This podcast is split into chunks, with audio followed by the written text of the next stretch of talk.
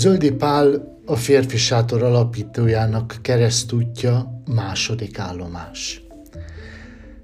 Jézus vállára veszi a keresztet. Imádunk téged, Krisztus, és áldunk téged, mert szent kereszted által megváltottad a világot. A keresztény emberek tudni vélik, hogy mi a kereszt. Még azt is tudják, hány szek tartotta az üdvözítőt. Némelyek úgy tartják, hogy a keresztény szó töve a kínzó eszközt jelölő szó lenne. Ismerik az igét. Aki utánam akar jönni, vegye fel keresztjét. Csak hogy Jézus nem arról akar meggyőzni bennünket, hogy az ő keresztjét cipeljük, hanem arról, hogy a sajátunkat a sajátunkat, de olyan módon, ahogyan ő tette. Nem húzódozva.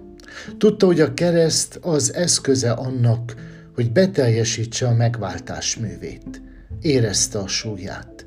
Keserves ez az eszköz. És a keresztény embernek minden reggel fel kell vennie. Én pedig dúzogok és elégedetlenkedek. A Krisztusi példa emberfeletti teljesítményt vár tőlem. Nem azt mondja, hogy add a feleslegedet, hanem azt, hogy adj kenyeret az éhezőnek. Osszad meg az utolsó falatodat. A keresztény szó alapja ugyanis Krisztusi.